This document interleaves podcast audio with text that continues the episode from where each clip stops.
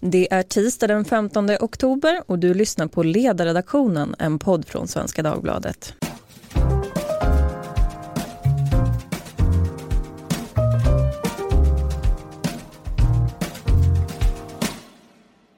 Jag heter Lydia Wåhlsten och idag ska vi prata om den islamiska staten med anledning av utvecklingen i Syrien.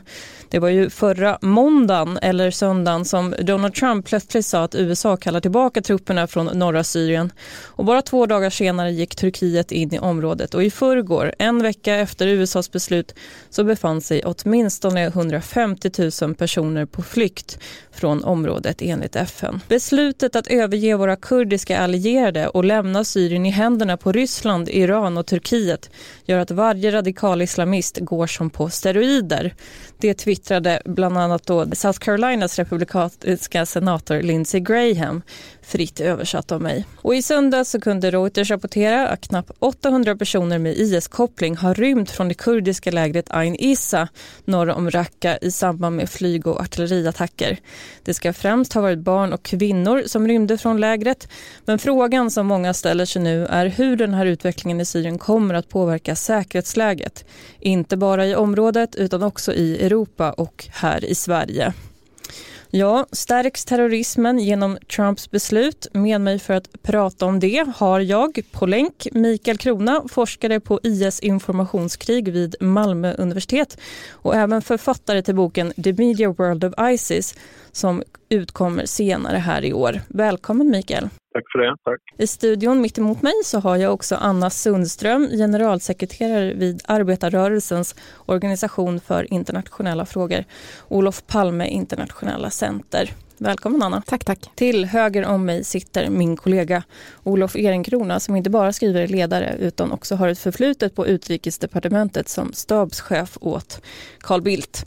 Min första fråga är en ja och nej-fråga. Är Europa mer osäkert nu än för en vecka sedan, Anna? Ja, det tycker jag. Jag tycker till och med att man kan säga att världen är mer osäker. Mm. Olof? Ja, Eh, absolut, det är riktigt illa är det. Mikael, vad säger du? Ja, jag håller absolut med. Det har blivit ett helt annat säkerhetsläge nu sista veckan. Anna, vill du utveckla vad du ser för någonting? Med Trumps beslut? Ja, men eh, beslutet från, från president Trump har ju destabiliserat en, en region som förvisso redan var instabil att, till att börja med, men där ju också spelplanen och nio helt har förändrats och där vi också ser hur nya allianser bildas, hur gamla allianser eh, så att säga ersätts och eh, där mycket, mycket osäkerhet nu eh, finns. Mm. Olof? Ja, alltså, jag sa häromdagen att jag, jag tänker på Balkan 1912 när jag ser den här situationen. Just de här med allianserna och oklarheterna och det som ju beslut som Trump har fattat är ett instinktsbeslut.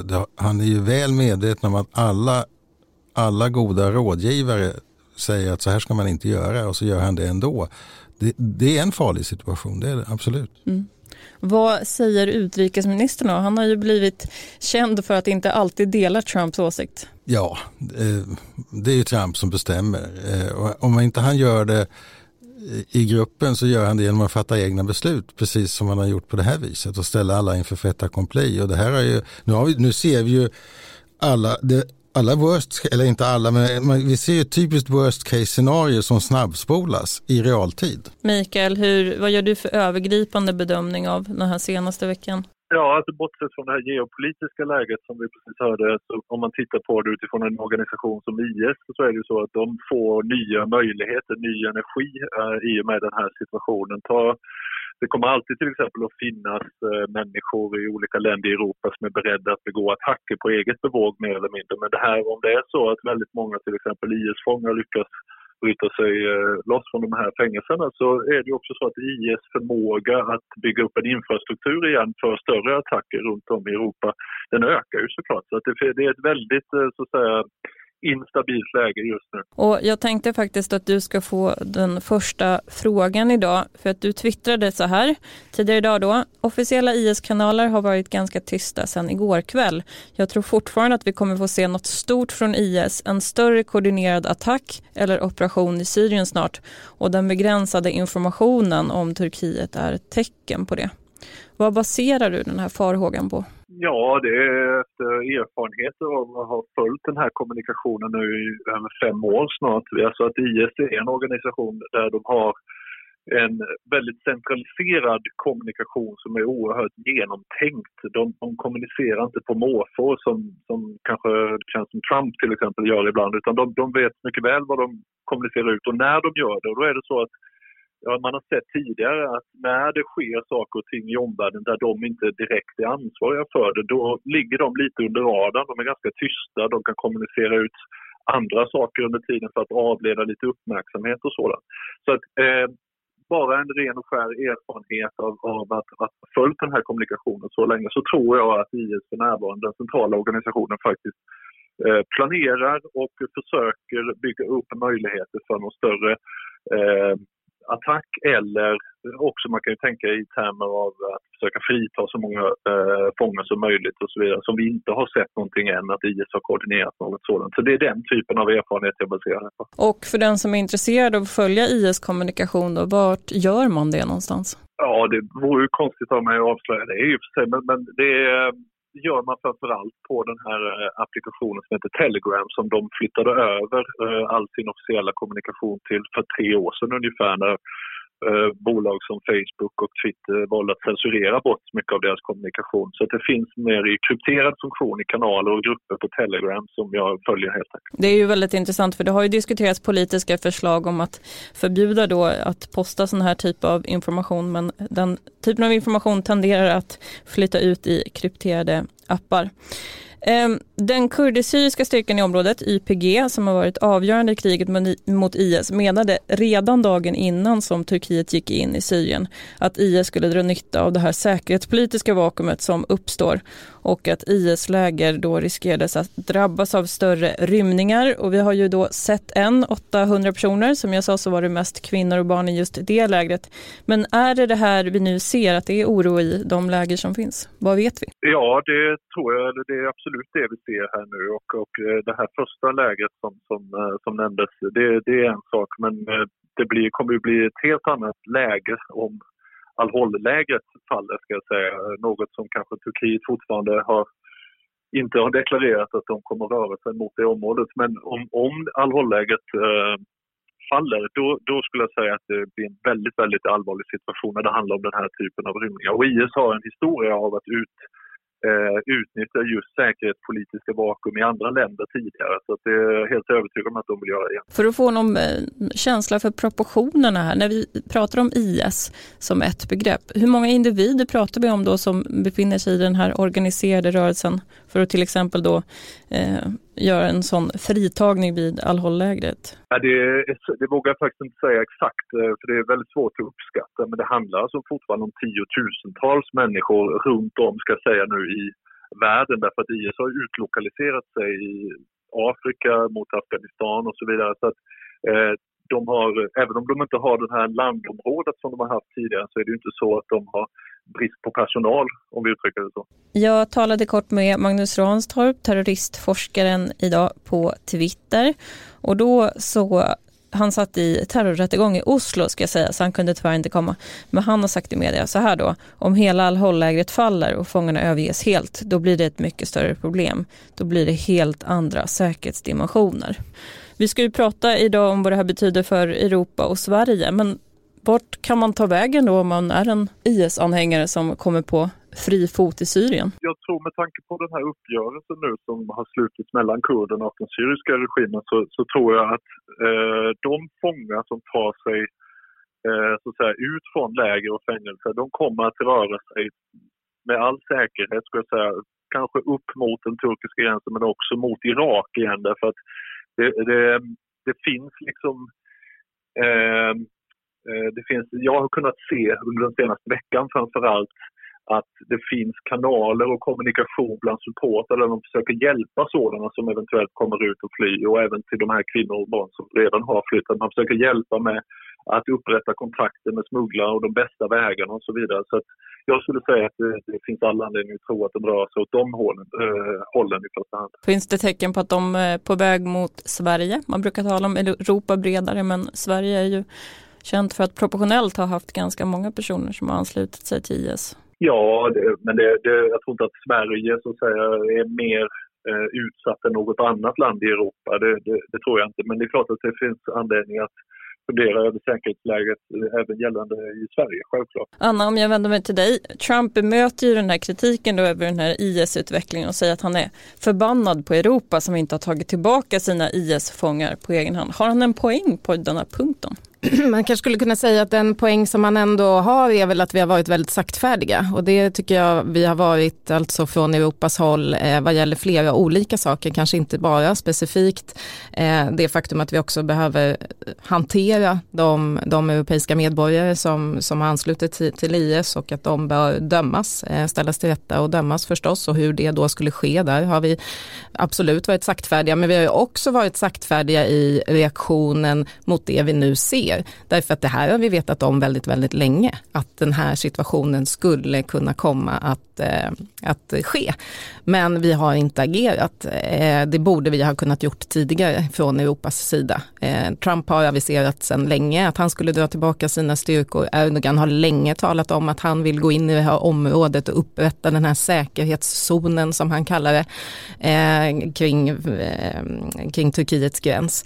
Så eh, vi, eh, vi har agerat för långsamt helt enkelt. Den här situationen som jag menar skulle kunnat undvikits om vi hade varit mer proaktiva. Ser du att regeringen har något ansvar och inrikesminister Mikael Damberg? Ja, eh, jag, tror att, jag tycker att vi delar ett ansvar. Det finns inte ett enskilt ansvar för, för den svenska regeringen eller för ett enskilt statsråd. Det här är ett ansvar som hela internationella samfundet delar tycker jag. Eh, det är ju det vi borde ha gjort i framförallt kanske att varit snabbare i att plocka hem barnen. Eh, där tycker jag att det finns all anledning att kanske vara lite mer självkritisk. Sen har vi ju försökt eh, då pusha i olika forum för att det skulle inrättas någon slags internationell tribunal och så vidare. Och det är klart att det är ju fortfarande en, en intressant tanke eh, men möjligheterna har ju varit väldigt, väldigt begränsade och då kanske man behöver börja fundera på, på andra sätt att hantera det. Jag tänkte bara läsa upp då vad Damberg har sagt i SVT under den här gångna veckan.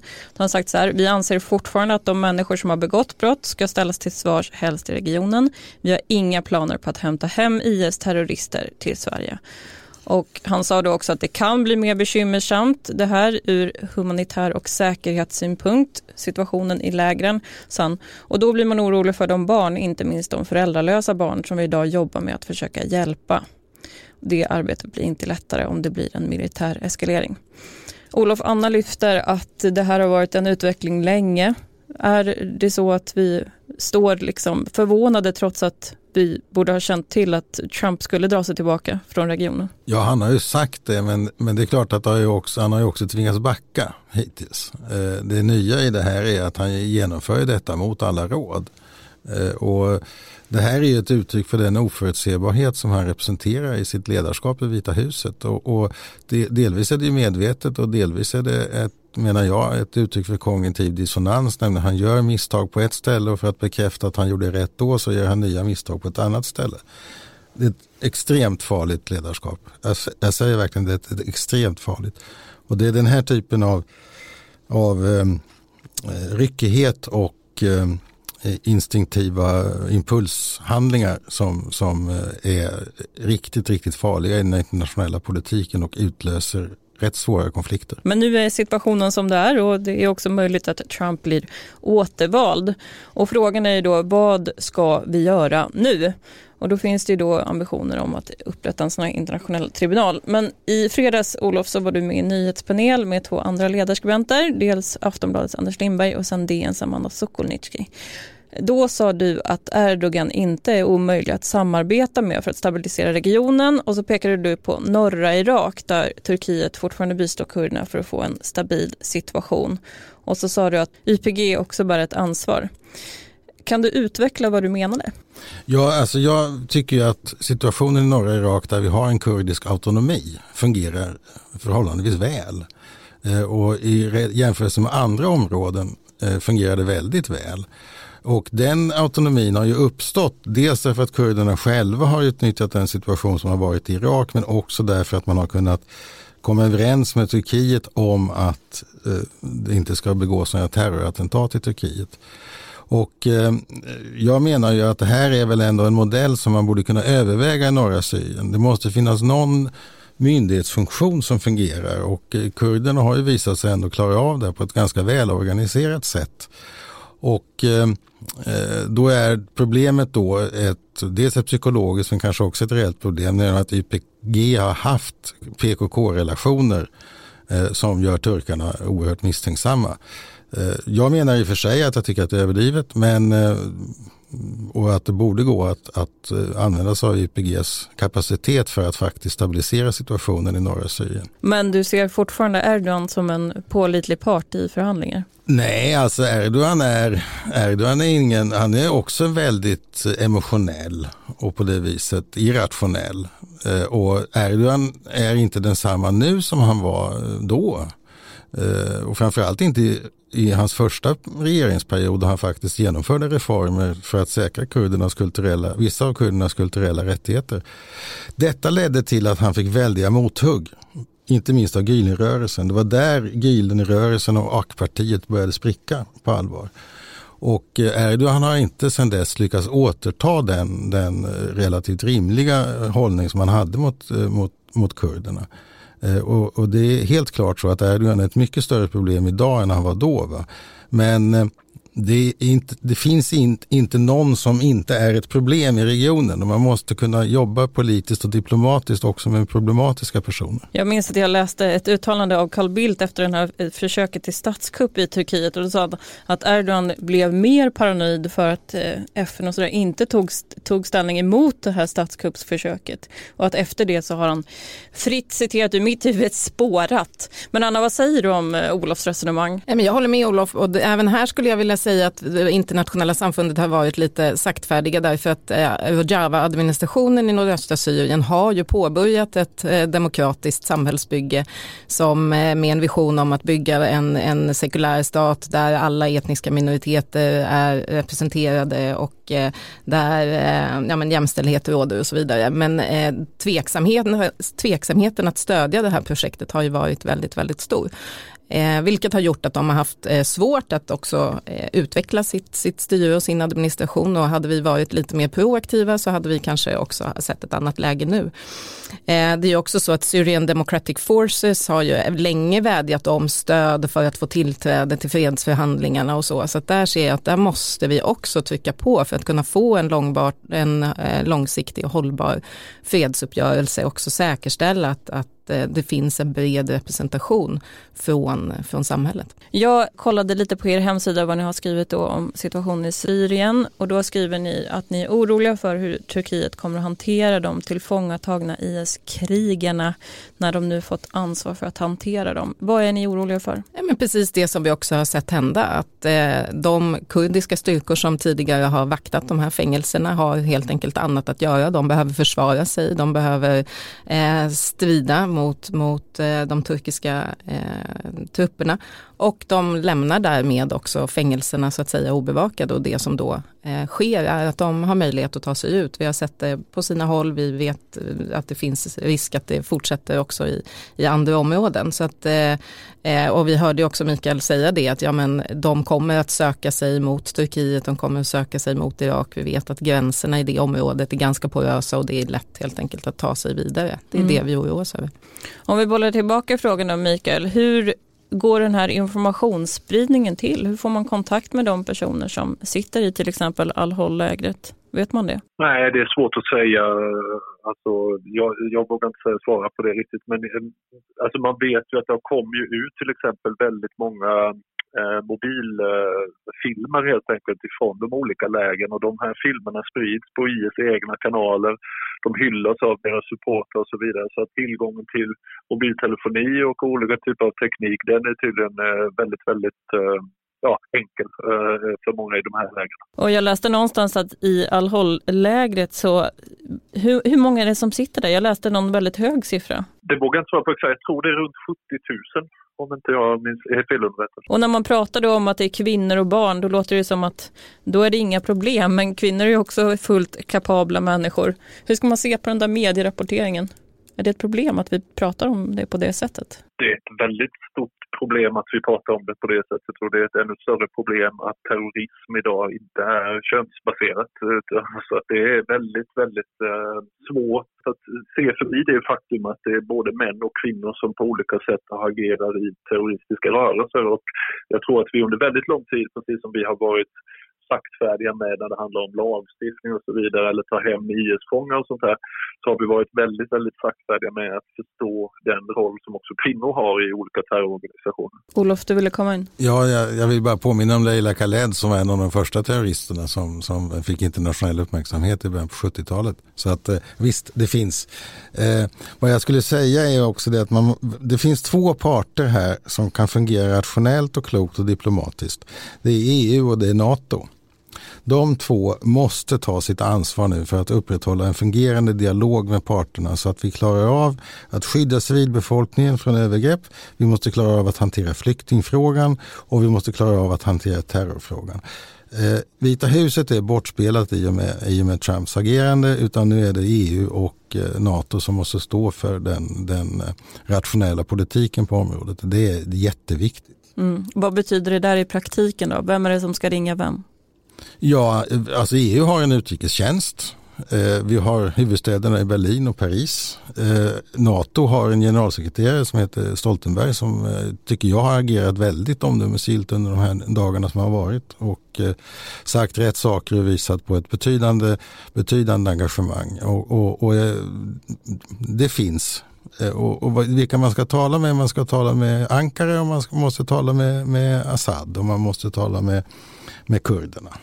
Man kan inte hålla på att göra upp saker över huvudet på kurderna som, som man har gjort nu i det här fallet. Jag håller helt med. Både EU och NATO har en jätteviktig roll. Däremot så tycker jag kanske att eh, generalsekreterare Stoltenbergs uttalande om att det var en operation och att Turkiet har legitima skäl att eh, också vara oroliga och att de behöver eh, skydda sina gränser och så vidare. Den här eh, om att det var en operation och inte kallade det som en invasion, det är de facto en folkrättsvidrig invasion som vi pratar om. Det är ibland viktigt att kalla saker vid sitt, sitt rätta namn. Eh, men absolut, båda organisationerna har, har en viktig roll att spela. Trump är ju känd för nyckfullhet. Betyder inte det att han kan vara nyckfull åt båda håll så att säga i den här frågan? Eller finns det ingen op opinion emot inom Republikanerna mot det här beteendet som faktiskt också kan få honom att tänka om? Man kan säga att det spelar ingen roll nu. Eh, Trump har, han, han har satt sin sista potatis för att uttrycka sig lite drastiskt. Eh, oavsett vad han säger, oavsett vad han gör, oavsett vad han twittrar så är, det, så är det likgiltigt för utvecklingen i området. De här amerikanska trupperna dras tillbaka, Amerika finns inte längre i området och ingen allierad har längre någon tilltro till vad Vita huset gör. Tyvärr är det så. Mikael, um vad eh, ser man för utveckling generellt nu den senaste veckan i de här flödena? Du sa att det var tyst senaste dygnet, men i övrigt? Eh, I övrigt har det varit väldigt stort fokus på att det har öppnats ett flertal eh, kanaler och informationsvägar av supportrar runt om i, inte bara regionen, utan runt om i världen som på olika sätt försöker hjälpa dem som nu har möjlighet att fly samt att det har verkligen blivit betonat i eh, både visuell och textpropaganda nu från IS-supportrar där det handlar om att nu har de möjlighet att jag ska inte säga att kalifatet ska återuppstå, men att organisationen i sig eh, och deras varumärke på något vis får ny kraft. Och nu är det dags för att ta hämnd emot de som har gjort en oförrätt. Den typen av berättelser sprids väldigt starkt just nu i, i dessa frågor. Och du pratade om att du ser en, en risk för ett nytt dåd. Vad skulle vi prata om för tidsintervall om vi höll oss till hur det har sett ut tidigare? Nej, det, det vågar jag inte svara på riktigt, men eh, jag tror att dåd i regionen är det som är prio ett just nu för, för en organisation som IS. Därför deras, som sagt, deras um, struktur, infrastruktur i eh, andra delar av världen när det handlar om väldigt koordinerade och organiserade celler som har förmåga att genomföra stora attacker som det vi har sett de senaste åren. Den skulle jag säga är försvagad fortfarande, men på sikt kan den alltså öka den risken. Men just nu, de närmsta veckorna, skulle jag säga att fokus för IS kommer att vara på regionen och kanske framförallt just på Al-Hol-lägret. För det vore centralt för dem att slå ut det. Skulle du säga att eh, Sverige har tillräckligt med kapacitet för att analysera den här typen av information? Att Sverige har tillräckligt med kapacitet, ja absolut. Eh, Sverige har en säkerhetspolis som har full koll på saker och ting och det finns många europeiska länder som numera också med mycket tätare samarbete mellan varandra har god koll på detta. Men vi har sett det förr, det har skett attacker och det kommer att fortsätta ske attacker. Vi måste tyvärr börja avsluta. Det är ett väldigt intressant samtal, men jag tänkte fråga en sista sak och det är vad ska man hålla koll på för någonting just nu? Vilken aktör eller vad är det för något man ska hålla koll på? Olof? Ja, alltså det, det som har hänt är ju att Turkiet representerar ett hot mot civilbefolkningen och mot kurderna. Men när kurderna gör upp med Assad och vi har IS-problematiken också så är civilbefolkningen utsatt för tredubbelt hot i området. Och här har vi et, risk för etniska rensningar, vi har risk för summariska avrättningar och vi har risk för, för um, förföljelse av minoriteter. Och någon måste känna ett ansvar för att få igång en politisk diplomatisk process som skyddar de här grupperna. Det är absolut nödvändigt. Och det är den stora risken vi just nu löper akut i området. Det är att det blir ett, ett, ett, ja, ett, ett kaotiskt blodbad. Det är fruktansvärt, men vad ska jag hålla koll på? Du ska hålla koll på exakt vad de här grupperna har, har för sig och vad som, vilka åtgärder som vidtas från de som är organiserade. Och det är naturligtvis den turkiska armén, det är den syriska reguljära armén eh, som har förmåga att, eh, att sköta en, en, en eh, att upprätthålla disciplinen i trupperna helt enkelt. Anna, jag provar med dig då. Vad ska jag hålla koll på? Jag tycker också att vi ska hålla koll på och påminna om att vi måste också orka hålla det långsiktiga perspektivet i, i minnet. Nämligen att vi måste på olika sätt också säkerställa eh, social och demokratisk utveckling för att också hindra rekryteringen till IS. Det är grundläggande problem i de här samhällena som gör att också IS har kunnat förmått att växa sig starkt. Vi måste också orka jobba med de frågorna. Mikael, då får du avsluta. Vad ska jag hålla koll på? Eh, du ska hålla koll på det som mina kollegor i studion säger eh, och jag tror framförallt eh, just det här att om, om, om EU så att säga misslyckades i den mån det handlade om flyktingkatastrofen 2015 så är det verkligen en, en utmaning för EU nu att Eh, blanda sig in i det här, föra en dialog med de här parterna som vi har hört och faktiskt försöka skydda civilbefolkningen. Det är EUs roll skulle jag säga är oerhört central just nu. Och med det säger jag stort tack. Jag ska också tipsa lyssnarna om att imorgon så kommer en av världens främsta terroristexperter Bruce Hoffman till Sverige och han håller ett seminarium på Center mot våldsbejakande terrorism. Och det seminariet kan du se online på cve.se fem över nio imorgon bitti. Och med det så säger jag stort tack till dagens panel, Anna Sundström, Olof Palmes internationella center, Eh, Mikael Krona, Malmö universitet och min kollega Olof Ehrenkrona. Och tack till er som har lyssnat idag. Hör gärna av er som vanligt på ledarsidan svd.se. Tack så mycket.